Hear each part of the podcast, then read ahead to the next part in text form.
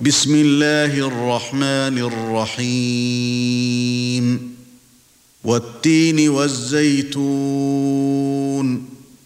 وطور سينين وهذا البلد الامين لقد خلقنا الانسان في احسن تقويم ثُمَّ رَدَدْنَاهُ أَسْفَلَ سَافِلِينَ إِلَّا الَّذِينَ آمَنُوا وَعَمِلُوا الصَّالِحَاتِ فَلَهُمْ أَجْرٌ غَيْرُ مَمْنُونٍ فَمَا يُكَذِّبُكَ بَعْدُ بِالدِّينِ